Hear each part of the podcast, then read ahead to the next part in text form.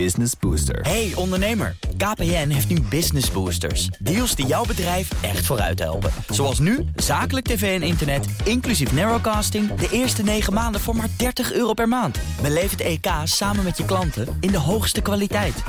Kijk op kpn.com slash businessbooster. Business Booster. Band loopt.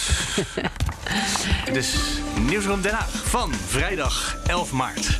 Met in de Amsterdamse studio deze keer weer. Leonard Beekman, Sophie van Leeuwen, Mark Beekhuis. En ik dacht, laat ik eens beginnen met een quoteje uit het debat over omgangsvormen in Den Haag. Oh nee. Nou, het is een interessante oproep. eh, ik bedoel, ik wil jullie oproepen, maar ik laat de oproep eigenlijk gewoon over aan eh, SP-Kamerlid Renske Leijten. En als het dan gaat over hoe er naar de Tweede Kamer wordt gekeken. Je hoeft maar de politieke podcast aan te zetten in de weekenden. En die hebben het allemaal over dezelfde onderwerpen en over dezelfde ophef. Want ophef levert gewoon publiciteit op. En overigens ook ophef over de ophef. Hè, we hebben nu toch een debat. Ophef over de ophef. Mevrouw van der Plas. Ehm, er is helemaal geen ophef over dit debat. Dus we zitten nu drie lagen diep ophef, meta. Eh, ik denk dat ik daar vier aan toe ga voegen. Gaan we vandaag ophef maken of hebben we iets heel anders waar we het over gaan Wij hebben? gaan het over iets heel anders hebben Ja? dan al onze concurrenten. En over de gemeenteraadsverkiezingen waar iedereen het over heeft. Maar ik denk dat Rens Zelfs daar hebben we een unieke invalshoek. Oh, gelukkig. Ja. Eh, maar zullen we eerst Geen eens- ophef Nee? bij BNR vandaag. Nou ja, maar dit is toch... Blijf luisteren. Dit is, precies. Maar dit waren toch drie lagen ophef opgestapeld. En eh, die vierde bij ons. Het zou misschien wel goed zijn voor de publiciteit, heb ik net geleerd.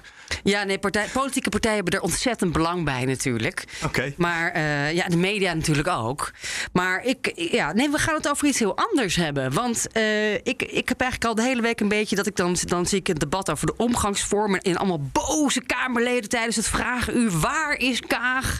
Nou, daar kunnen we het ook nog straks over hebben. Maar misschien dat nog even niet. ophef. Maar ja, tegelijk, tegelijkertijd ehm, ja, heb ik de hele week al het gevoel... het gebeurt niet in Den Haag. Het gebeurt in, in Parijs. Hè? Het gebeurt in Versailles.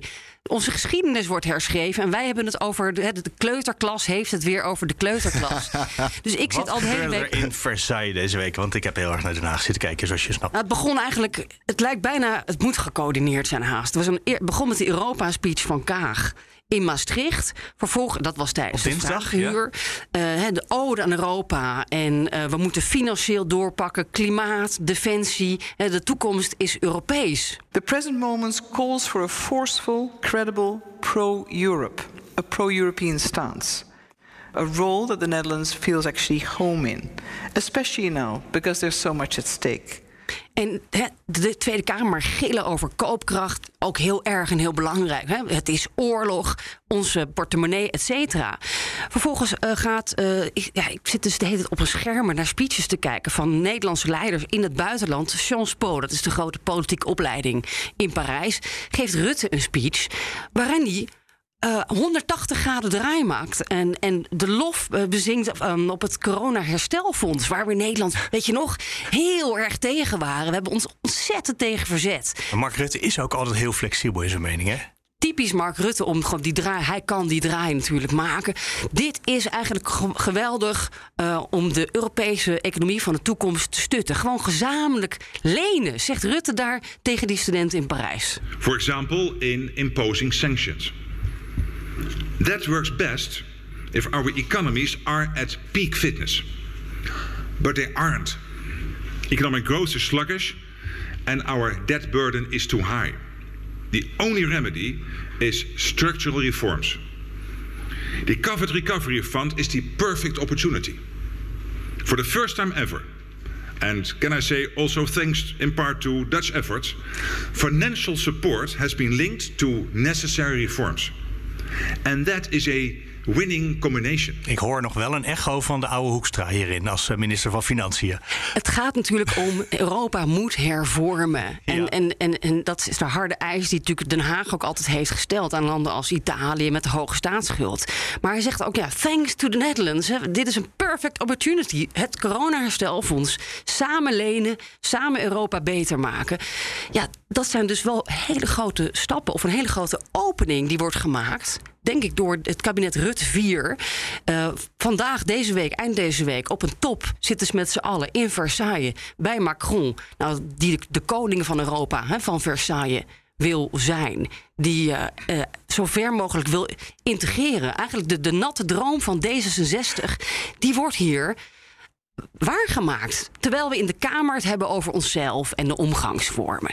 Dus um, ja, geen ophef, maar echt hele grote openingen naar hele grote stappen. Je had gewoon eigenlijk in Parijs moeten zitten deze week. Dat is uh, ja, de conclusie dan, hè? Daar baalde ik persoonlijk dus heel erg van. Dus ik was de hele tijd afgeleid. Ik denk, we moeten wel blijven opletten in Den Haag. En dan voor je het weet wordt er... Je hebt natuurlijk uh, allerlei ambities om gezamenlijke belastingen te gaan heffen. Hè? Dus dat kan natuurlijk met, of met CO2 of dat je in Europa eigenlijk iets afdraagt zodat de Europese Commissie zijn eigen budget krijgt. Om, uh, om, om te hervormen. Ja, misschien op het gebied van defensie. Er is zoveel eenheid nu daar. Ook hè, vanuit Oost-Europese lidstaten. En dan heb ik het nog niet eens over de mogelijke toetreding van Oekraïne. Waarvan Rutte zegt. Nou, daar zijn de regeringsleiders nog niet mee bezig. Dat is iets wat het Europees Parlement en de Europese Commissie spannend vinden. Maar de Europese regeringsleiders zien dat niet. Nou ja, volgens Zelensky uh, heeft Rutte dan wel beloofd. Rutte ontkende dat deze week. Dat was op Twitter. Ja, de, dat de president de vergadering van gisteren. Van Oekraïne. Uh, maar we, we are family, hoor je dan van Dat Rutte. En uh, hij zegt: eigenlijk hoor je nergens een barrière. We zeggen er geen nee tegen. En dat is nieuw. Nou, ik vind dat nog een heel andere toon dan het vorige kabinet onder Hoekstra. En daarin zie je natuurlijk dat D66 de tweede partij is geworden. Ik, ik heb ze nog even gebeld. En die, die zitten echt te stralen bij wat hier nu gebeurt. In tijden van oorlog natuurlijk. Het is verschrikkelijk. Maar de mogelijkheden, het momentum dat Kaag nu heeft... om als minister van Financiën uh, want op die positie zit D66 nu. Ja. Haar droom waar te maken, die wordt elke dag groter. En de eenheid is er ook. Ik vroeg het toch nog even aan Hoekstra ook. Die zat uh, gisteren in het uh, Kamerdebat over Oekraïne. Ja. Daar was jij bij, Helene? Daar was ik bij. Ik, ik vroeg me even over dat corona-herstelfonds... waar hij zich zo hard tegen heeft verzet. Of dat nou, ja, of hij daar nu anders naar kijkt. Bent u met Macron de Europese geschiedenis aan het herschrijven? Nou, laat ik mezelf niet groter maken uh, dan ik ben. Wij hebben gisteren een uh, heel goed overleg gehad met een delegatie van het Franse en het Nederlandse kabinet. En waar Nederland en Frankrijk natuurlijk echt aan dezelfde kant van de touw trekken, is om Europa ook meer geopolitiek gewicht te geven. En daar zijn we het heel erg over eens. Zoals we natuurlijk sowieso op veel terreinen veel meer naar elkaar zijn toegegroeid. Heeft Macron nog een voorstel gedaan? Bijvoorbeeld meer gezamenlijke. We weten dat hij een enorme Europeaan is en ook Nederland nodig heeft, hè, financieel ook? Nou, wat dit vooral is, is het nog eens onderstrepen van de uitstekende betrekkingen tussen Frankrijk en Nederland. Uh, dit is iets wat Frankrijk bij mijn weten alleen met Duitsland doet en wat wij eigenlijk alleen doen met, uh, ook met Duitsland en met de landen van de Benelux. Dus het is een heel duidelijk politiek signaal, uh, omdat je dat doet eigenlijk alleen maar met de meest bevriende landen. en we doen dat natuurlijk ook omdat zowel Frankrijk als Nederland in belangrijke mate aan dezelfde kant van het touw trekt als het gaat om de toekomst van ons Europa. En dan gaat het vooral over hoe geef je de economie verder vorm, maar ook hoe geef je Europa ook geopolitiek meer body. Hoe uh, pak je gezamenlijk die uitdagingen aan die in dit gedeelte uh, van de wereld op ons, uh, op ons bord liggen. En Rutte die, die prees ook bij Sciences Po het Recovery Fund, hè, dus de gezamenlijke lening, het corona-herstelfonds, eigenlijk als een heel goed middel. Ook om die Europese economie te stutten. Ziet u dat nu ook zo? Alles wat er hè, in het verleden gezegd is? Nou, wat er in het verleden natuurlijk gezegd is, is dat we die Europese economie en die economie van die lidstaten moeten versterken. En dat uh, daarom de combinatie van hervormingen en investeringen, dat dat een, een, goede combinatie is. En dat je dat ook veel meer zou willen afdwingen. Um, en dat is wat we in het verleden hebben gedaan. Ik vind verder dat die onderwerpen die echt over het economische gaan, ja, die zijn in de minister van Economische Zaken of van de minister van Financiën. Zegt hij nou eigenlijk, Sophie? Ik, ik dwaal hem altijd een beetje af bij Hoekstra, die uh, dit soort uh, touwtrekverhalen Hoekstra vertelt. is echt een, echt een meester in niks zeggen natuurlijk. Okay, dan heb ik goed opgelet. Maar, maar dus, hij, hij, geeft dus die, hij is natuurlijk minister van Buitenlandse Zaken. Dus hij geeft een enorme ruimte om samen op te trekken economisch in de toekomst. En, voor, en als het dan gaat over de techniek, over het fonds waar hij ooit zo tegen was. Um, dat, dan verwijst hij naar zijn collega Sigrid Kaag van ja. D66. En dat, ja, dat is natuurlijk wel iemand die deze kans niet voorbij zal laten gaan. Ik moet wel even nog een kanttekening om wat nou plaatsen. Precies te doen, want je zegt de kans niet voorbij te laten gaan om. Nou ja, om te proberen, uh, wat Macron wil, natuurlijk ook meer gezamenlijke eh, lenen om bijvoorbeeld samen op te treden als het gaat om klimaatinvesteringen, defensie, hè, de, toekomst van Europa vorm te geven. Ehm, Een hechter Europa. Een hechter Europa. union, zoals dat in het jargon heet. Op dit moment, ik, ik ben dus niet in Versailles, lijkt het er meer op dat je hebt natuurlijk dat huidige fonds kun je ook nog voor een deel benutten Mhm. om eh, ver- versneld die klimaatinvesteringen te doen, om uit deze energiecrisis eh, versneld te komen, om onafhankelijk te worden van Russisch gas.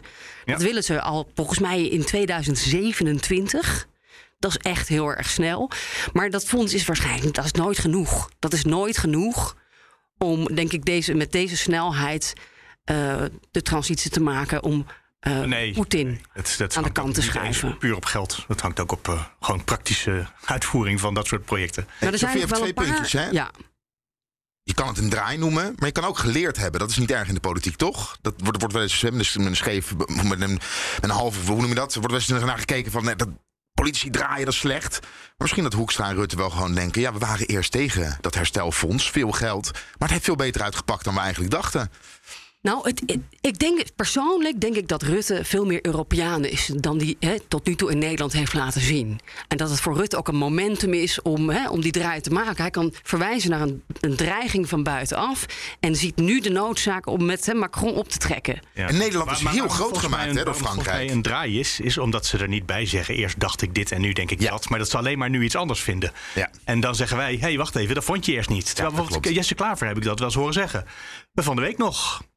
Eh, die zei, ik ben hier tegen en nu, de situatie is veranderd, nu ben ik voor. Ja, dat is bijvoorbeeld ook met eh, de uitgaven voor defensie. Ja, dat ging Ja. daarover, precies. En, Ja. Maar en, het, Draaien mag, het is oorlog. Dit is Ja, alles, maar dan alles is het ook geen draai. Dan is het gewoon nieuwe omstandigheden, nieuwe opvatting. En als je alleen maar van mening verandert, gewoon omdat je zonder het te benoemen, ja, dat, dat maakt het ingewikkeld. Maar alles is vloeibaar. Maar, en je moet niet vergeten, D66 heeft natuurlijk ges- meegeschreven aan het regeerakkoord. Waarin ook wel enige opening wordt geboden aan. We moeten dus meer, die Europese economie, we moeten daar een leidende rol in spelen staan. Ja, en dat krijgt Met Nederland onze nu. partners in Europa. En die pakken ze nu. Nou ja, met en Macron dat- en anderen.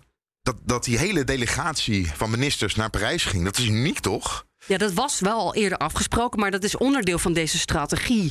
Dat inderdaad met er een soort van ministerraad komt tussen toch wel hè, de, misschien de Europese leider Frankrijk, want ze hebben een kernbom, en, en de Nederlandse ministers. En dat gaan ze vaker doen. En dat is gewoon afstemmen, samen afstemmen. En nou, ik zal niet zeggen dat het daardoor hè, de hele EU wordt samengesmolten. Maar ehm, dat is die leidende rol die, eh, die D66 ook heel graag wil.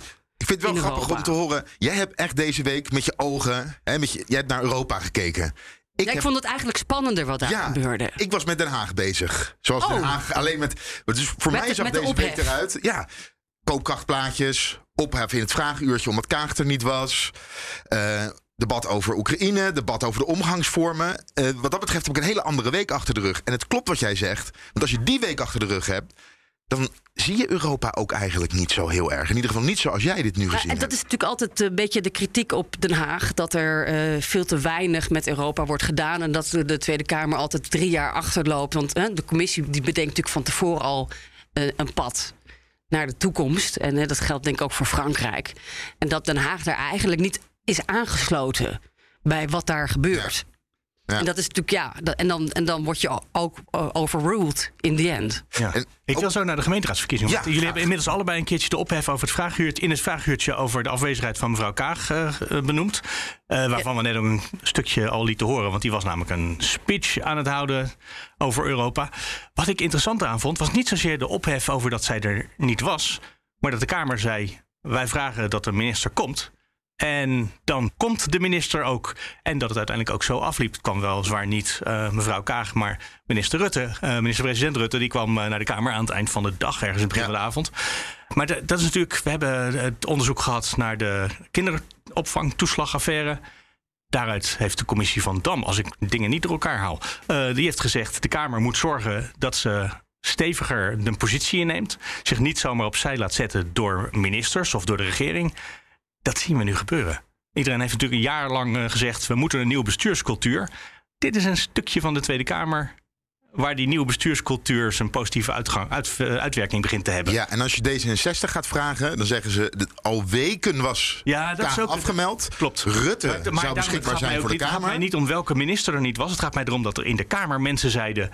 er komt gewoon vandaag iemand van de regering en niet een of andere staatssecretaris, maar gewoon of de minister-president voor wie we de vragen hebben, of zijn vervanger. Een, Ja, en wat de eh, Kamer ook vicepremier. zei, als je nou een, een, vanwege verplichtingen in Europa over de oorlog, als je dan weg bent, dat Logisch. accepteren we wel. Ja. Maar als je in Maastricht een praatje houdt over Europa meer op persoonlijke titel, Ja.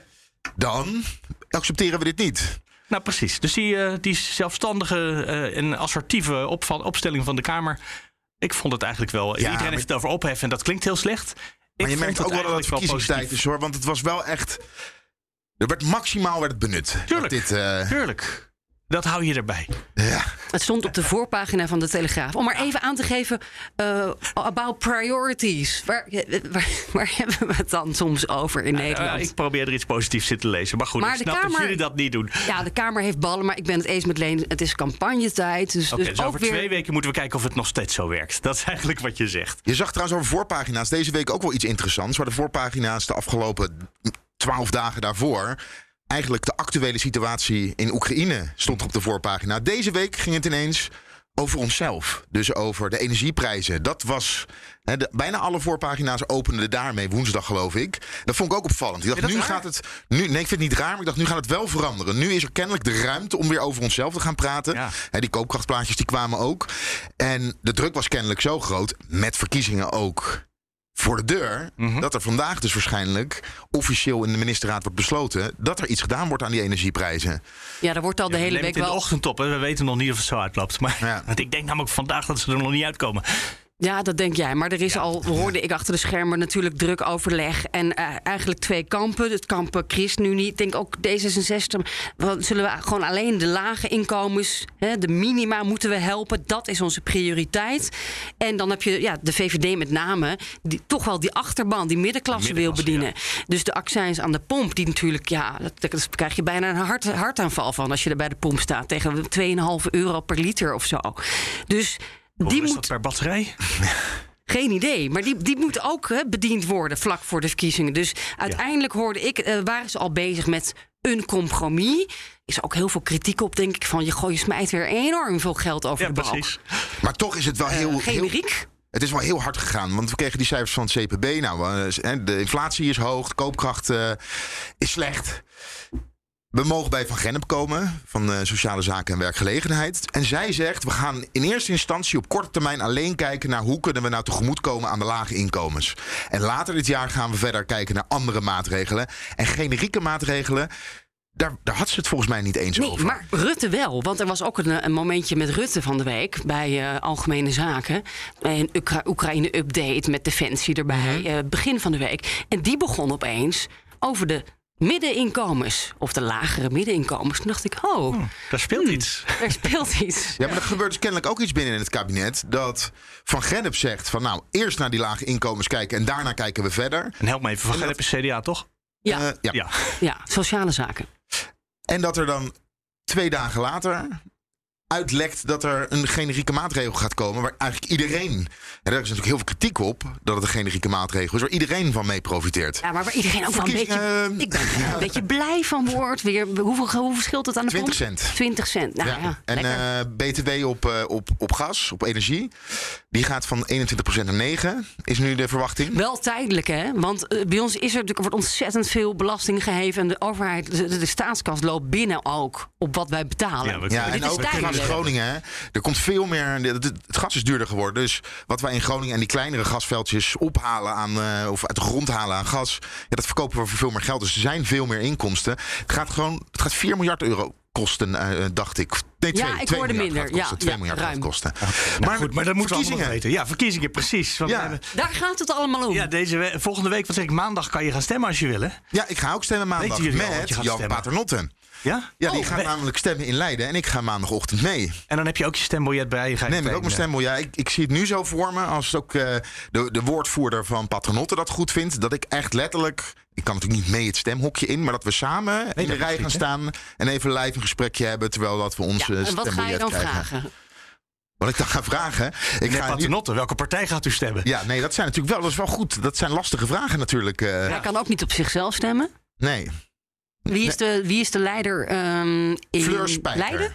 Fleur Spijker is de Oh ja, leider. zij kan in, altijd eh, voor de hoogste man op de lijst gaan of zo. Ja. Als je een vrouwelijke lijsttrekker hebt, kan je dat ineens doen. Nou, ik heb deze week wel, waar was Fleur Spijker ook bij, een verkiezingsdebat gepresenteerd voor ondernemers. En daar heb ik twee dingen die me echt opvielen. Ten eerste, we hebben het natuurlijk over Oekraïne gehad. Dat overschaduwt. Er is ook een INO Research met een rapport eh, deze week uitgekomen over de verkiezingen. Beginnen daar ook over. Uh, zelfs door Oekraïne, je zou denken misschien dat er meer mensen nu naar de stembus gaan, maar ze verwachten dat dat lager is, de opkomst. Maar dat overschaduwt wel het debat. Uh, want met die ondernemers gingen we het ook al hebben over herstel na corona. Nou, iedereen wist er komen hele was maandag, dus die koopkrachtplaatjes waren er nog niet. Maar er komen hele slechte koopkrachtplaatjes aan. Dan voelt het toch een beetje gek als je over herstel na corona gaat praten met ondernemers. Totdat je weet, er zit weer een dreun aan te komen. Een dreun na corona. Ja. Als jij die energierekening van ondernemers, dat moet uh, ontzettend veel pijn doen. Ja, dat Wat hoorde je daar? Ja, dat, maar ook wat, wat, wat, wat uh, bijvoorbeeld met horeca gaat gebeuren. Want horeca is een van die sectoren die heel hard getroffen is. Nou, wat gaat er gebeuren? Mensen gaan wat minder uit eten. Uh, dat is een van de manieren om makkelijk te besparen. Ja, en dat gaat die horeca weer voelen. En dan ging het bijvoorbeeld over de horecaterrassen. Daar ga je dan over debatteren. In Leiden hebben ze wat meer ruimte gegeven aan uh, ondernemers... om wat meer tafeltjes buiten neer te zetten in coronatijd. Nou, dan is zo'n stelling, dat moet blijven. Ja, en dan ga je lekker debatteren over wat tafeltjes. Maar ja, er zitten natuurlijk veel grotere problemen aan te komen. Maar toch moet je het erover hebben. En het tweede punt is, je praat met ondernemers over dit soort problemen. En ik heb ze achteraf nog even gevraagd, waar gaan deze verkiezingen nou echt over? Unaniem, het gaat over wonen. Daar gaat het over. We hebben een woningnood en we moeten bouwen. En daar moeten we het over hebben. En in Leiden gaat het dan vooral omdat er eigenlijk geen locaties zijn voor hoogbouw. Uh, vandaag konden we ook in het AD lezen dat die hele woningbouwopgave... dat in ieder geval VNG, Jan van Zanen zegt... gaat niet lukken. Misschien dat we die miljoen woningen gaan we echt niet redden. Misschien dat we 750.000 woningen kunnen bouwen. Maar het lukt niet. Twee redenen daarvoor. Het ambtelijk apparaat kan het niet aan. Nee, je moet vergunningen aanvragen. Ja, dat hoor ik ook vaak. Ja, en de tweede uh, is bouwvakkers. Er zijn gewoon niet genoeg bouwvakkers om, uh, om dat te gaan doen. En dan hoor je vanuit Bouwend Nederland, Maxime Verhagen, die zegt, wat je eigenlijk ook Hugo de Jonge hoort zeggen, maar niet zo scherp. Den Haag moet gewoon regie nemen. Dat gewauwel over wel of niet hè, uh, in, een, in, een, in een poldertje of op een stukje groen bouwen. Dat gaan we niet meer doen. Er moeten nu moeten er keuzes gemaakt worden. En daar moet Den Haag moet daar het voortouw in. Ik heb maar, ook een maar, debatje. waar gaan de gemeenteraadsverkiezingen dan nog over? Als je zegt, dit moet naar Den Haag en niet naar de gemeente. Waar gaan de gemeenteraadsverkiezingen nu dan nog over? Nou ja, dan is het dus, dan is het dus de vraag: hoe gaan we bouwen? Voor wie gaan we bouwen? Daar kan je als partij natuurlijk hoeveel gaan we sociaal Oh, ja. neerzetten. Daar kan je als partij natuurlijk heel veel van vinden. En dat gebeurt ook. Uh, dus daar gaan die gemeenteraadsverkiezingen dus wel over. In Leiden is bijvoorbeeld uh, discussie. Hoe hoog willen we gaan bouwen? Nou, er wordt nu een woontoren neergezet van 115 meter. Uh, dat vinden heel veel partijen veel te hoog. Die willen een grens. 70 meter is het maximale in Leiden. Dus daar wordt dan over gepraat. Ja, maar dan zegt de projectontwikkelaar... Uh, op die manier uh, kom ik niet uit de kosten. En zo zie je ook dat de politiek zelf een enorme belemmering is... Hè, voor het snelle bouwen. Nou, dat hoor je ook in Den Haag. Hè? Dus je wil, ze moeten de lucht in, er is geen ruimte. Woontorens. En dan gaan we zeuren over vijf of tien verdiepingen die eraf moeten. En vervolgens komt het project stil te liggen. Ook daar moet regie genomen worden. Want de afgelopen jaren is er wel gebouwd... maar niet voor de doelgroepen die het nodig hebben. Want als jij projectontwikkelaar bent, dan bouw je een woning waar jij het meest voor krijgt. Dus een groot appartementencomplex. En met grote appartementen. Maar Vrij je wil sector. veel bouwen. Vrije sector. Je wil veel bouwen. Dus kleinere fletjes bijvoorbeeld. Dat is minder aantrekkelijk. En daar ligt ook, Mark, een rol voor de gemeente. Als je een woontoren neerzet en er zitten 50 grote appartementen in dan is dat voor de gemeente makkelijker om te faciliteren dan een woontoren met 100 appartementen. Want daarvoor moet je namelijk ook je infrastructuur en de ruimtelijke ordening aanpassen. Want daar moeten auto's geparkeerd worden, er moeten scholen moeten er zijn. Ja. Al dat soort uh, vraagstukken. Dus bouwen is veel meer, en daar komt de gemeente echt om de hoek kijken. Bouwen is veel meer dan alleen maar een toren neerzetten, een woontoren. Ja, en het Rijk, want die moet weer met extra miljarden voor de infrastructuur op de proppen komen. Ja, Ja, er was ooit een, uh, een bouwstijl die zei dat je in één gebouw alles moest verzamelen. Dus dat je een school op de derde Ja. verdieping en daarboven gaan we wonen en de begaande Ja. grond. ja, en dan zat er ook. Dat eh, klinkt alsof we daar eigenlijk aan toe Is zijn. dat nu. een nieuw Babylon waar je het nu over hebt? Eh, nee, het is, eh, ik denk aan Marseille in Frankrijk. Hoe heet, Ah. hem, hoe heet die? eh, in Leiden hebben ze één... Ja, ik blijf over mijn stad praten. Ik probeer die naam van die architect weer te verzinnen. Maar vertel jij even in Leiden hebben ze het gebouw, heet dat. Daar zitten drie scholen in. Daar zit een huisarts in, er zit een apotheek in, er zit een bibliotheek in. Daar kan je wonen. Dat is ehm, eh, de fysiotherapeut kan je naartoe. Op het dak is een basketbalveldje voor de mensen die er wonen en voor de school. Dat is zo'n project dat echt bedoeld is om met en winkels uiteraard. Eh, Klinkt geweldig. ja, hoef je echt. Je hoeft nergens meer naartoe als je daar woont. Jij gaat daar een reportage maken binnenkort. Wat ik hoorde op mijn debat, dat was in Nieuwspoort... ook met eh, onder andere CDA, eh ChristenUnie en Breda, Almere en Den Haag. Rita Verdonk zat er, zat er ook bij. Daar was toch wel heel erg de roep... we moeten buitenstedelijk gaan bouwen. Gewoon die polders volplempen met woonwijken... Ook mensen misschien die toch een huisje met een tuintje willen. Daar is ruimte zat. Ook Jacco Geurt die zegt eh, 1,2% van de landbouwgrond. CDA, hè? CDA kunnen wij gewoon beschikbaar stellen. Trouwens, zijn collega Dirk, Dirk Boswijk heeft nog zijn excuses aangeboden deze week in de Kamer vanwege het landbouwbeleid. Maar ze zeggen, daar, kan, daar is ruimte. We kunnen dat gewoon aanwijzen. Dus dat moet Hu- Hugo de Jong met een aanwijzing gaan doen. En dat kan dan, eh, nou ja, eh, ook in de omgeving van eh, zelfs, Ja, zelfs dus ziet in de in het- Randstad in het landelijk- zou daar ruimte voor moeten beschikbaar komen. En, en dan huppakee, vol plempen, bouwen. Wat je ziet bij gemeenten die ja, wat landelijker. Dat kan dus bijvoorbeeld ook het Groene Hart zijn. Hè? Dan ben je nog steeds in de Randstad. Almere wordt ook Dan een hele je- stad in het zuiden van Almere. Ja. Zou je daar nog kunnen neerzetten? Maar je krijgt discussies in gemeenteraden over wat is groen. En dan denk je, hè? Maar dan is dus de vraag, landbouwgronden. Hè, er zijn partijen die zeggen... industrie- dat is industrieterrein geen- is dat. Dat is geen natuur. Dus daar kunnen we, kunnen we gaan bouwen. Terwijl dat bijvoorbeeld GroenLinks of Partij voor de Dieren zegt... dat is wel degelijk natuur. Dat kan je niet zomaar eh, een woonwijk Ja, neerzetten. of ze Want zeggen er moeten windmolens komen. Die die Ja, discussie hoor ik ja, ook. bij Nee, Utrecht is dat, hè? Ja, dan zegt de, de- het Rijk of de Tweede Kamer zegt... wij willen daar bouwen. Hoe heet die? eh, de Rijnweerse polder of zoiets.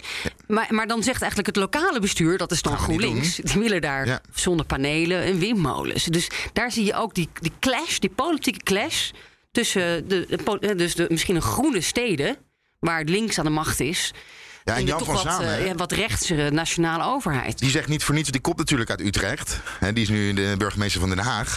Maar die heeft allemaal aan de lijf ondervonden. Dus ik snap wel dat hij zegt, dit gaat allemaal niet lukken. Een miljoen woningen. Dat, eh, en dan nog één ding over... eigenlijk de politiek voor Een vraag ondernemers. stellen, want dan moeten we daarna dit eh, podcastuur op de radio namelijk gaan afronden. Mag ik nog Zeker. één ding zeggen over voor ondernemers? Wat ook een discussie is rondom wonen, is, want jij noemde het net, ehm, een, eh, bedrijventerreinen. Veel, omdat er geen bouw, bouwgrond is, worden oude bedrijventerreinen. Die worden eigenlijk geconfiskeerd om daar te bouwen. Ja. En daar zeggen ondernemers van: ja, maar je moet het wel compenseren. Je kan niet maar blijven snoepen van bedrijventerreinen. Want dan op een gegeven moment is het niet meer. Zit je daar met twee of drie bedrijfjes en dan stelt het helemaal geen fluit meer voor. En in, eh, in Leiden is er, ik blijf bij Leiden, is er zelfs, dat is Zierkzee Wonen heet dat. Die zat 68 jaar in, eh, in, in Leiden. En die zijn gewoon weggepest door de gemeente. Daar is gewoon eh, tegen gezegd, wij gaan daar gewoon bouwen. We kunnen je wat nieuwe locaties aanwijzen, maar wij gaan daar bouwen. Eh, we kopen je pand op en zoek het maar uit. En die is gestopt. Ja, op zich zou je natuurlijk van bedrijventreinen, ik weet niet of je eruit was komt, ik fiets er af en toe door eentje heen, die zouden ook best eens de hoogte in kunnen. Want als daar twee verdiepingen staan, is het hoog. hey, ehm, aan, het, nee, ik weet, aan het eind van dit half uur nog eventjes. Hebben we het over zijn- gehad? Nee, hè? Nee, ook dat niet. Maar jullie zijn heel erg bezig met de gemeenteraadsverkiezingen. Hebben jullie nou in jullie bubbels het gevoel dat het leeft? Dat iemand bezig is met gemeenteraadsverkiezingen? Mijn bubbel helaas niet. Nee. Zo, dus eh, wat verwachten jullie van de opkomst? Nou, of moeten we dat aan INO vragen? Maar de helft of zo, hè? Ja, ik maar het, eh, laten we... de opkomst. in eh, slechte wijken komen ze tot 20% geloof ik. En in goede dan misschien wel 50. Ja, en wat bij mij, ik woon in Amsterdam en wordt het wel heel spannend. Een soort van eh, nek-aan-nek race. Tussen D66, D66, GroenLinks? GroenLinks. Heel misschien kan Moorman van de PvdA nog, nog iets doen. En dan, wie weet, op vier de Partij voor de Dieren. Die gaan echt eh, scoren. eh, wa- De wat vierde partij van Amsterdam. Partij Maar ook landelijk, en er zijn een aantal partijen die het dus dan weer wel goed doen. zijn de omwonenden van Artes of zo, de Partij voor de Dieren. Ja. Partij voor de Dieren gisteren in het eh, debat over Oekraïne. Ehm, de huisdieren. daar hebben ze het over gehad. Want er zijn mensen op de vlucht die hun huisdieren niet meekrijgen. En of het kabinet daar iets aan kon doen. En? Nou, dat, dat, daar ging eh, Hoekstra nog achteraan. Dat was niet zijn portefeuille. Oké. ja. Ik ben benieuwd onder wie dat valt.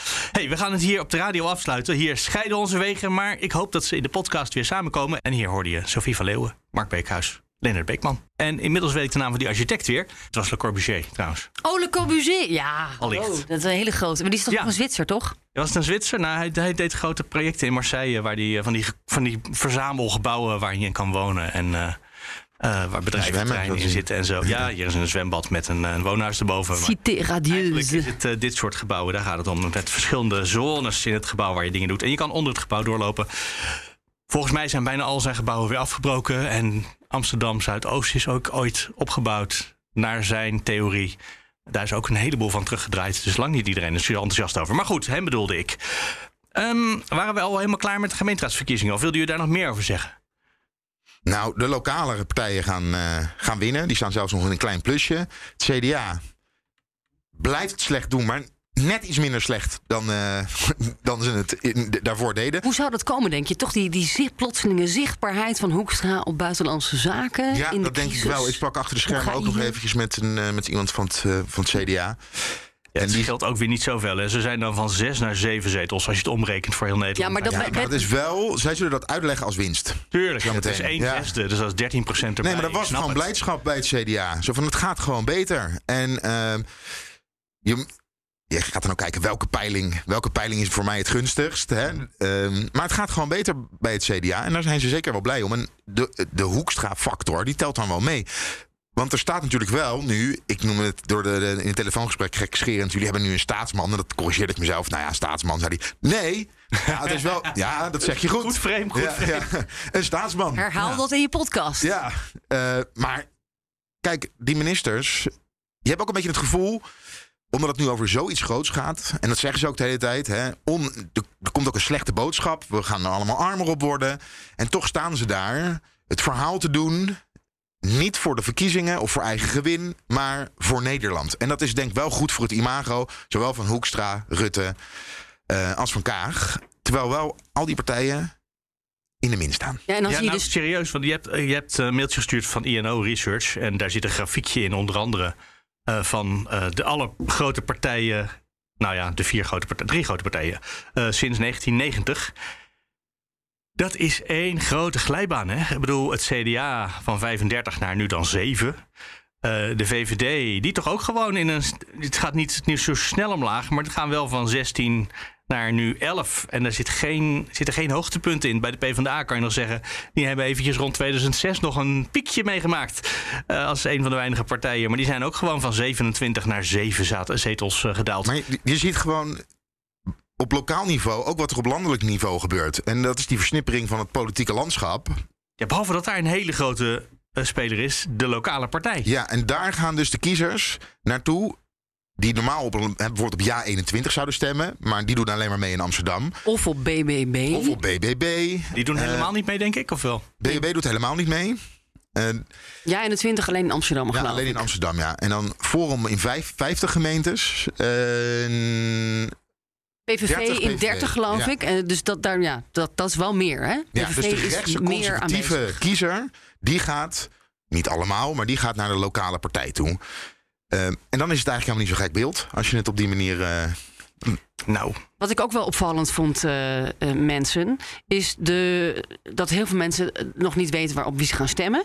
En eh, vooral bijvoorbeeld bij D66 weet 24 van eh, weet, weet, weet zeker dat ze dan op D66 gaan stemmen. die hebben gezegd, ik ga nu, als je het vandaag aan me vraagt, stem ik D66. Maar eh, kom maandag nog eens terug. Dus eigenlijk, en dat zag je bij de, de landelijke verkiezingen vorig jaar ook, dat op links eh, iedereen zweeft. Dat Nou. geldt ook voor GroenLinks, 30% SP 28% Volt is, gaat ook niet zo goed mee. nee, want D66 zal, 12. die zullen wel. eh, hè, dat die hele ophef bij Volt. Daar zullen ze bij D66 wel met. Nou, ik weet niet of per se met genoegen het goede woord is. Maar daar zullen ze niet eh, rouwig om zijn. Want de D66. Maar zouden ze, daar hun, eh, zouden ze daar voordeel bij hebben? ja, Ja, zouden mensen echt heel erg weglopen bij Volt? Om één zo'n incident, van één ding waarbij ze bovendien door het stof zijn gegaan en hebben gezegd, hebben we niet goed gedaan. ja, maar Sorry. nu komen ze daar weer op terug. Nou, Jawel, dat vraag ik me af. Volt, ja, maar Volt die overweegt om eh, in hoger beroep te gaan. Maar alleen al dat die overweging Uh, daar maak je natuurlijk alweer heel veel kapot mee. Want je hebt je excuses aangeboden. Je zegt, nou, wij hebben een tik op onze vingers gekregen van de rechter. Dit gaat allemaal over uh, het schorsen en daarna uit de fractie zetten van uh, Gundogan. Wat dat uit de fractie zetten überhaupt. Hè, want daar heeft de rechter van gezegd, ze moeten terug in de fractie. Of dat allemaal juridisch klopt. Ja, dat, is maar de, grote vraag. Wim Voermans uh, in een vandaag die zegt: uh, dit eigenlijk, de rechter hoort zich hier helemaal niet mee te bemoeien. Maar dan ben je dus je vingers getikt. Zeg je nou, sorry, we zijn op onze vingers getikt. En, uh, mediator erbij. We gaan een mediator. En dan even later zeg je: nee, we gaan toch maar overwegen om in hoger beroep te gaan. Ja, nou, dan wordt een lekker gesprek dan. En het ging weer echt heel amateuristisch eraan toe bij, bij Volt. Want het gesprek. Dassen was in Den Haag om over de omgangsvormen te praten. Uh, de uitspraak van het kort geding kwam binnen. Toen is hij naar de fractie gegaan. Nou, er stond natuurlijk. Alle pers stond in de gang bij de fractie. De fractie, uh, dat is uh, de kamer waar, waar ja, de fractie dus, in zit. Ja, ja precies. Ja, de, de, Niet de, de mensen, maar nee, de, gewoon letterlijk bij hun in de gang. Waar je hem verwacht te vinden. Pieter Omzicht nog boos overigens, want er waren cameramensen de, de, de kamer van Pieter Omzicht ingegaan. Want dan kon je recht in de kamer van Laurens Dassen kon je filmen. Hm. Nou, Pieter Omzicht komt terug woedend. Van, uh, die vond echt geen. Ja, ik begrijp dat ook. Maar toen moesten we wachten tot half zeven, geloof ik. En toen kwam Laurens Dassen dus met zijn verklaring, kort. Waarin hij wel zijn excuses aanbood, maar ook weer niet zo heel veel zei. Um, en ondertussen het is ook weer het moment waarop je bent in de Kamer over omgangsvormen aan het praten. Dat vonden veel Kamerleden al ongemakkelijk. En Volt moest het dan ook nog eens een keertje over hun eigen omgangsvormen en zichzelf gaan hebben op datzelfde moment. We hebben het toch gewoon 35 minuten zonder ophef weten vol te houden. Hè? Ja, dat Vind is ik ook goed. Ja, zullen we er nu, nu mee stoppen of willen jullie nog meer ophef? Nou, als je, als je relevante, interessante ophef hebt, kom maar door. Nou ja, het enige wat ik nog kan toevoegen is, is dat, dat de, bij de PvdA het ook uh, aan het rommelen is. Uh, want daar hebben we de, de kwestie Gijs van Dijk. Um, en, uh, dat was ook een uh, MeToo-zaak, geloof ik, hè? Nou ja, die werd daarvan beschuldigd. Maar, die trok zich meteen terug. Ja, maar is ook niet op de hoogte gesteld van wat nou precies de aantijgingen oh. zijn. En die zijn ook best wel, wat ik hoor, ik heb daar een beetje rondgebeld. Ja, eigenlijk zeer twijfelachtig of dat nou echt, of daar nou echt erge dingen zijn gebeurd. Maar goed, daar loopt een onderzoek naar. Um, heeft zich wel teruggetrokken, maar overweegt ook uh, hier een zaak van te maken. Wil niet rancuneus zijn, de partij een beetje beschermen en eigenlijk wachten tot na de gemeenteraadsverkiezingen. Ja. Nou, dat, dat is mislukt, zich... want er stond iets over in de krant inmiddels. Ja, dat, toch? Ik, Wij hebben het er ook over nu. Ik heb het hem beloofd van nou, dan, dan wachten we tot de dag na de gemeenteraadsverkiezingen en dan brengen, brengen we dan naar buiten. Het stond, uh, zegt hij per ongeluk toch in de Volkskrant vanochtend, dus ik begin er maar even over.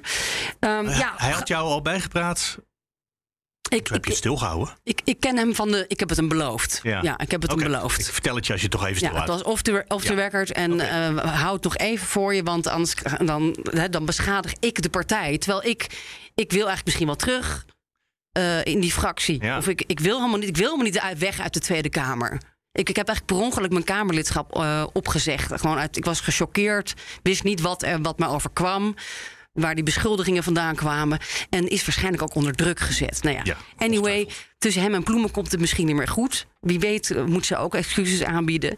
Uh, dat horen we na 16 maart pas, denk ik.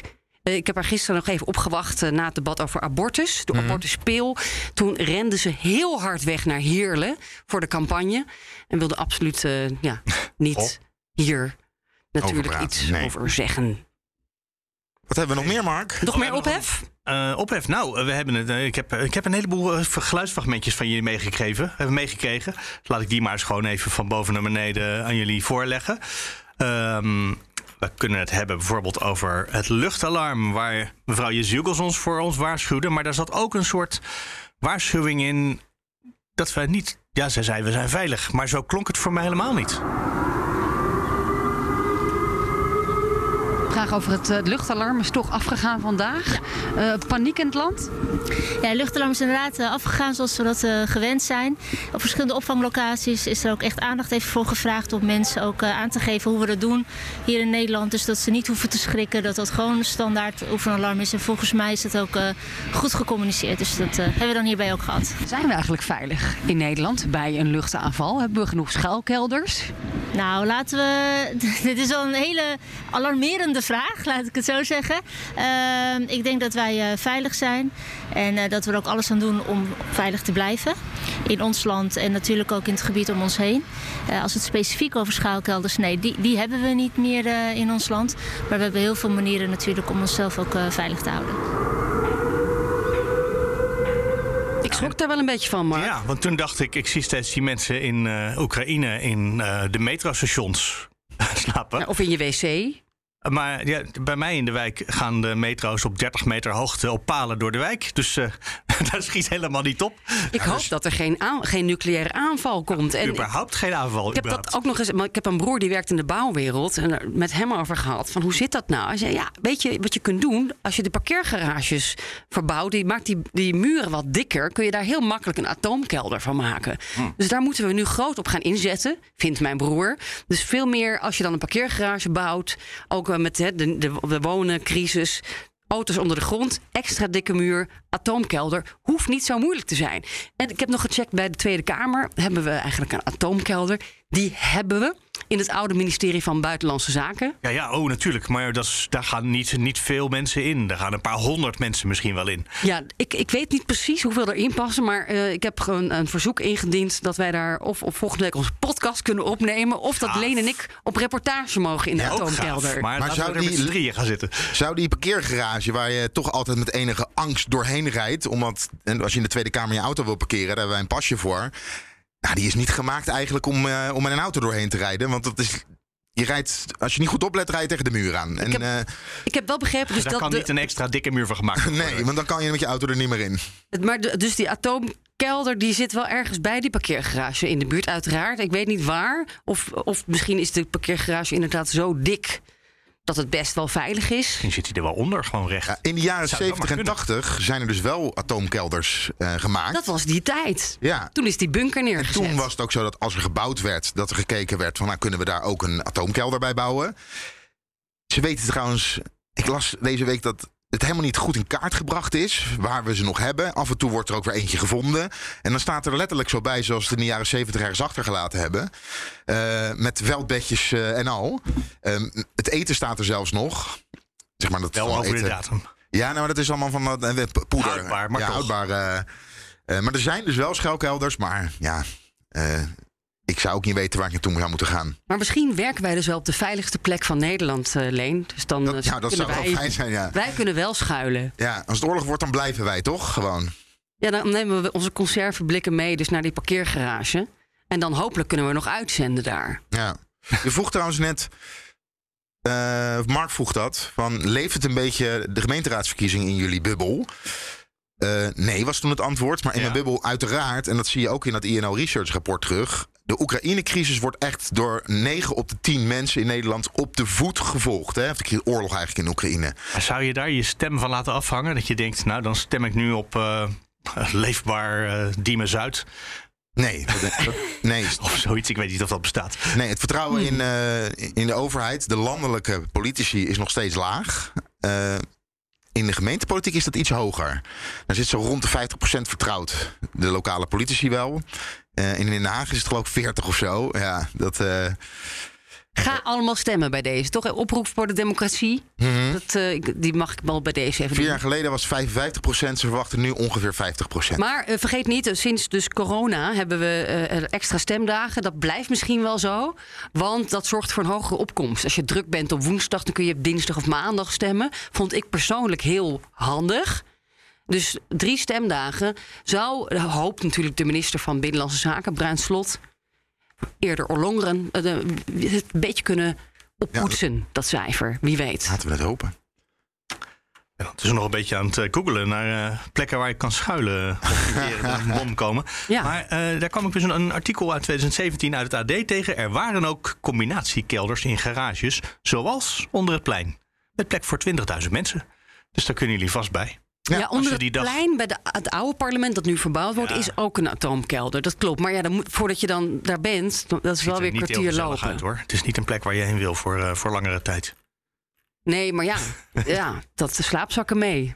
Ja. Zo, zo, is dat in een oorlog. Nou, laten we niet even ophef maken over dat er oorlog in Nederland gaat komen. Moeten we nog ophef maken over corona? Want er kwam nog Kuipers tegen. Oh ja, daar toen- heb ik nog ook wel een stukje over. Is er nog corona in Nederland? Want we hebben het er niet meer Er over. is nog zeker corona in Nederland. Eh, eh, dat zien we aan de aantallen besmettingen. Eh, maar gelukkig, de meeste mensen worden er niet zodanig ziek van dat ze echt hulp nodig hebben. Oh, dat is een heel vriendelijke formulering. Want de laatste dagen lopen de ziekenhuisopnames weer op.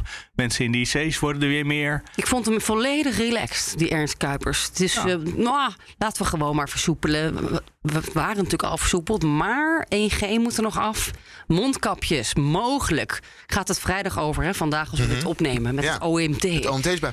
Nou ja, misschien wel eh, af in de trein. Is discussie over. Ja, dit kan, ik- kan je vertellen, dat is al gebeurd. Eh, in de metro in elk geval. In de trein valt het mee, maar in de metro... Jij doet gewoon lekker je mondkapje Ik op. wel. Als jij zin hebt. Ja, nou ja, dat is het een beetje. Maar, en dan kreeg ik nog de vraag gisteren van eh, Roos uh, Abelman op de zender. Komt er nog een persconferentie? Nou, niet Nee, denk komt er ik. niet. Nee, maar dat is ook zeker. Dat komt er niet. Er komt wel een statement. Dus hoe dat dan eh, komen vorm gaat. Als de corona weer terug is. Precies. Maar toch, die hele. Een paar weken geleden, dat is echt nog maar een paar weken geleden, was het gewoon corona die onze agenda beheerste. En nu is het uiteraard die oorlog in, eh, in Oekraïne. Maar we zijn echt, wat dat betreft, ook in een andere wereld terechtgekomen. Ja, wij wel. Maar kijk, als jij met een gigantische schuldenberg zit, dan. Dan niet. eh, Nee, precies die ondernemers waar ik het net over had. Nee. En daar moeten we wel oog voor blijven houden. Iedereen doet alsof het feest is. Althans, feestoorlog, maar hè, lente en de stoelen weer buiten. Maar eh, dit, eh, dit heeft een verschrikkelijke nasleep. En de faillissementgolf moet ook nog beginnen, denk ik. Ja, en die gaat ook weer, ook weer door de oorlog in Oekraïne, ook weer, die gaat groter worden. Ja, dat vond ik ook interessant. Dat CPB, dus het planbureau met de cijfers en de koopkracht en, en vooruitkijkt en nog geen recessie ziet.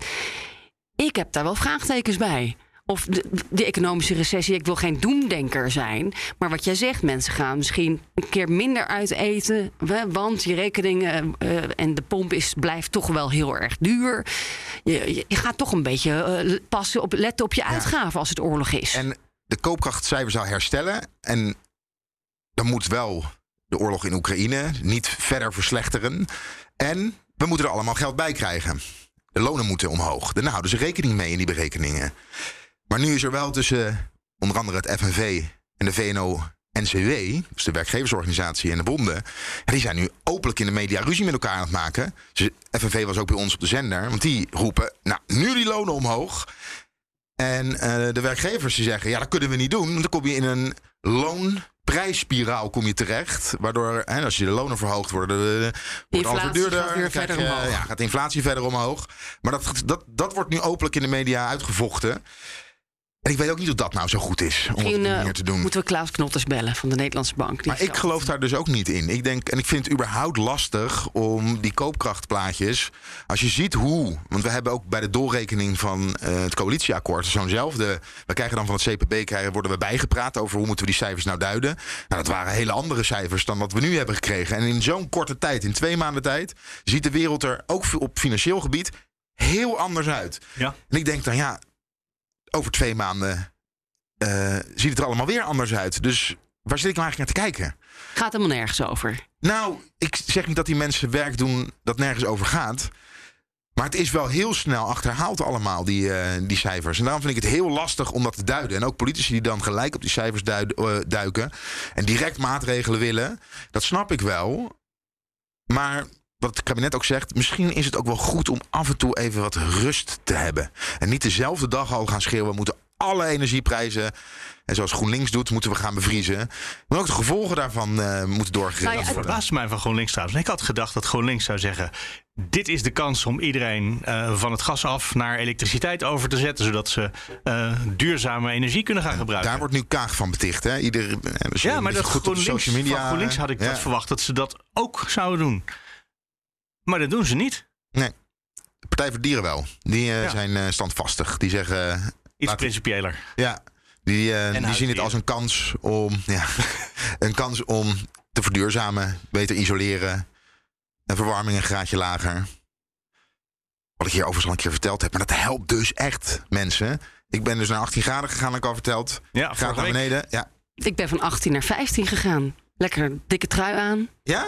Ja, ik ben opgevoed in de jaren 80 of eh, ongeveer eh, tijdens de vorige energiecrisis, in de jaren 70. En we hadden altijd een trui aan thuis. Dus voor mij is het gewoon volledig. eh, ja, no- normale situatie.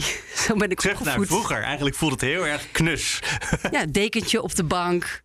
Maar ja, als je dat dan aan de coalitiepartijen vraagt, eh, dan vinden ze dat moeilijk om dat, dat uit te stralen hoor. Dat hè, doe de verwarming maar. Maar ook bij de SP heb ik het geprobeerd. Met z'n allen, solidariteit, thermostaat een beetje omlaag. Nou, dat, eh, ja, dat kun je mensen echt niet aandoen. Dat is toch grappig, hè? Want we kijken we vol bewondering naar wat het Oekraïense volk allemaal kan dragen op het ogenblik. En hoe stoer die mensen zich door die oorlog heen gaan. En wij zeggen dan, ja, mondkapje af, dat is vrijheid. Eh, en, als, en dat je, wat jij zegt, dat je een dekentje over je been, dat dat misschien te heftig zou zijn voor de meeste mensen. Ja, maar als je het echte verhaal vertelt, dan kun je het ook tegen burgers zeggen. Hè? Elke graadje minder op je thermostaat is misschien een eurotje minder naar Poetin. Ja, dat is ook een verhaal. Maar, Ja, maar dat willen ze eh, niet, nee. Dat willen ze niet. Nee, dat is dus toch wel bijzonder. leiderschap is toch meer voor Zelensky dan voor onze politici. Ja, of misschien dat dat ook weer dan weer in de staatskas toch ook gevoeld gaat worden. Hè? Want dan ja, misschien gro- minder Gronings gas nodig, minder inkomsten. Ja, Moeten we daar dat gat ook weer gaan dichten op de begroting? Er moet ook gesproken worden. Misschien als, eh, als mooi afrondend thema nog eventjes in deze podcast. Helemaal niet belangrijk. Nou nee, maar over de, de hele begroting van alles. Want we hadden natuurlijk eh, Hoekstra die zei... eh, we gaan het regeerakkoord op de, op de schop gooien. Toen zei mevrouw Kaag... Nee. En toen zei Mark Rutte, nee, dat gaan we niet doen. Maar we gaan wel dingen verschuiven. Wat Ja, volgens mij dat ja was- betekent. Ja, Daar hebben we het vorige week al even over gehad. Ja. Maar inmiddels zijn we dus een week verder. En ik heb het idee dat er... Daar hoor ik helemaal niemand over. Over hoe eh, de hele begroting overhoop gegooid moet worden. Want we gaan naar 2% voor defensiebudget. Hebben we volgens mij inmiddels impliciet afgesproken. Eh, want we willen mensen miljarden compenseren voor eh, gasrekeningen en zo. Daar moet toch van alles op het ogenblik schuiven, bewegen. Eh, Horen jullie daar iets van over hoe de, de nieuwe begroting eruit gaat zien? Nou, ze leven echt van merken? dag tot dag. Dus, dus de volgende dag is de verkiezingen. Dus eerst Mark ging het over die, de eh, Die wil accijns. nooit vooruitdenken. En maar vervolgens gaat natuurlijk komt die vraag op tafel. En dat wordt op de linkerflank al langer geroepen. Eh, kijk naar de vermogensbelasting of zo. Hè, gaat geld halen bij de vermogenden. Ja, en dat hoor je wel, dat gesprek ook, ook bij de SP. We hadden Lilian Marijnis hadden we op de zender. En die zegt dat ook heel duidelijk. Dit, moet, dit moeten we gaan ophalen bij de sterkste schouders. Ja, maar de SP zit, Ja. zit Ja, maar belangrijker die is zit dat- niet in de regering, dus Deze- die zit niet in de coalitie. Ja, maar D66 wil dit ook en de ChristenUnie willen dit ook. Dus er is een deel van de coalitie eh, dat ook hè, misschien ook meer Europa wil, maar ook meer eh, vermogenstaks. Mhm. En eh, ja, dat gevecht is nog niet. Daar zijn ze nog niet uit met elkaar, is mijn indruk. Maar er zal een oplossing voor dat box 3, hè, dus het belasten van vermogen, wat nu niet meer gebeurt. Je kan natuurlijk in de, daar moet een oplossing voor komen, ook op korte termijn. Want je kan natuurlijk niet in deze tijd het verkopen dat je tegen iedereen zegt. Ja, je moet, hè, we moeten allemaal pijn lijden. Maar je gaat de meest vermogende mensen in Nederland niet belasten. Alleen een btw-verlaging aan de pomp Ja, maar dat- Dat is dus nu zo, hè? Ja, maar Ja, dat ja, kan je dat- niet. ja, dat, dat was kan niet je de in bedoeling. deze dat tijd komt niet door een blijven doen. rechterlijke uitspraak. Ehm, maar zien, horen jullie daarover voortgang van gesprek? Want jij zegt ze zijn er nog niet uit. Eh, Nou is, ja, dat, ze zijn is, is het een thema? Onze leiders, hè, dus de partijleiders, dus Hoekstra, Kaag, Rutte, die zitten dus in, hè, die zitten in Versailles en in, hè, dus bij Dus Macron er op het paleis. Nou ja, die, die, hebben zijn er- die de- zijn echt met de crisisbestrijding hè, bezig, met defensie en eh, waar we het eerder in deze podcast over hadden. Maar Dus- we, hebben, we zijn- er zijn zowel als Kamerleden als journalisten. We hebben de afgelopen weken alleen maar gehoord: wacht op het CPB en daarna gaan we die voorjaarsnota. Dus als je die vraag stelt, dan krijg je elke keer hetzelfde antwoord. We wachten op de voorjaarsnota. Oh, die is We er op de Oh voor- ja, voorjaarsnota is er niet. Maar Ja, de zijn er en daarna komt de voorjaarsnota. Nee, Daarom dat was ik ook zo klopt. Dat zei verbaasd over Mark die Rutte, die denkt altijd maatregel. in procedurele stapjes. En dan komt er, eh, u komt eh, later in het jaar nog wel een keer terug. En wat ik ook interessant vond, die had een gesprek met Van Gennep van Sociale Zaken eh, deze week. En die zegt eigenlijk, omdat alles onzeker is, moeten we korte termijn kijken. Dus we zijn heet bezig met korte termijn oplossingen voor een oorlog waarvan we niet weten welke kant het op gaat. Hè, en of, of het gaskraan toch nog dicht gaat. Dus dat is ook best wel ingewikkeld, Maar denk ik, volg- om dit soort hè, fundamentele keuzes nu te maken. Terwijl we eigenlijk niet weten hoe de dag van morgen eruit ziet. Ja, en daarin volg ik eh, Van Gennep eigenlijk wel. Want ik denk dat het heel realistisch is wat zij zegt. Ja, we weten gewoon niet. Ze zegt ook, we weten gewoon niet hoe we er over een paar maanden voor staan. Dit, en, Financieel, hè? ja, Maar dan moet je hier toch gewoon op allerlei scenario's voorbereiden. En ja, zeggen, dat wordt nu ook er gemaakt. dit gebeurt. Er worden nou, nu scenario's worden er voorbereid. Ja. Zou het Ja. eerst zijn dat deze regering... Ah, dat was de vorige regering die geen scenario's deed. Ehm, iets anders nog. Heb- heeft iemand jullie kunnen uitleggen waarom eh, instandmaatregelen zo ingewikkeld zijn? Want je zou kunnen denken, de BTW gaat nu omlaag. Maar dat schijnt niet vandaag op morgen geregeld te kunnen worden. Eh, die voorjaarsnota gaat eigenlijk over wat er later in het jaar, volgend jaar misschien, pas eh, zal veranderen. Nee, de voorjaarsnota, dat, dus, dus het moet eerst door de voorjaarsnota. Dat is voor 1 juni. Mhm. Dat is de ambtelijke agenda in Den Haag. En dan kun je dat dus per hè, 1 juli kun je het regelen. Ja, maar je kan toch ook gewoon zeggen: dit is eh, zo essentieel. Wij vinden dat mensen morgen 20% minder BTW of 20% minder belasting aan de pomp moeten betalen.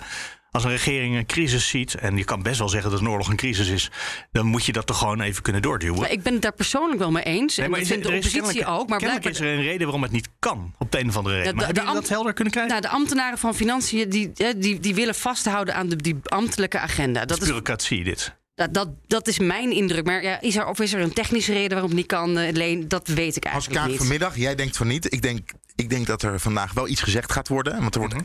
Kaag, die, is- Rutte is er niet. Dus Kaag is voorzitter van eh, Ja. de ministerraad. Handig. Die zal ook het perspraatje met ons doen. En zij weet, er is maar één onderwerp dat vandaag al die journalisten mee gaan komen. En dat is dat nieuws over, het, eh, over de accijnzen en de BTW op energie. Dus zij zal met, ze zal met iets komen. Want ze gaat denk ik niet vanmiddag daar zitten. Terwijl dat dit, er, dit zit echt in het vat. Eh, en alleen maar zeggen, wacht u nog maar even, wacht u nog maar even. Nou goed, is Kaag natuurlijk wel een... dus af en toe moet je streng, ik vind een strenge mevrouw. dus misschien dat ze het wel doet, maar ik verwacht dat er vanmiddag wel iets over gezegd worden. Dus ook het uitgelezen moment om deze vraag te stellen. Waarom niet nu? Nou, ga je die, stel jij die vraag. Dan krijgen we daar hopelijk eh, antwoord op. Misschien is de vraag dat- achterhaald en blijkt het wel volgende week in, ge- geregeld te zijn. Maar De NOS mag altijd als eerst. En als ze niet als eerste afgesproken is, dan gaan ze wel als eerst. Eh, dus ik denk dat de NOS die vraag wel gaat stellen. Maar als ze het niet gedaan hebben, dan doe ik het. Hou hem vast in je kladblokje. Oké, we gaan hem een beetje afronden voor vandaag, denk ik. Nieuwsroom Den Haag van 11 maart. Met Leendert Beekman, die als laatste hoorde. Sophie van Leeuwen en ik ben Mark Beekhuis. Tot volgende week. Tot volgende week.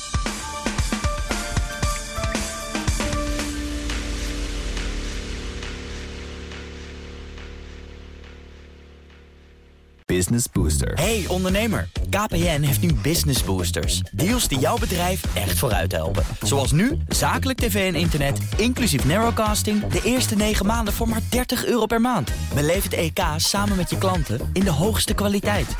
Kijk op kpn.com businessbooster. Business Booster.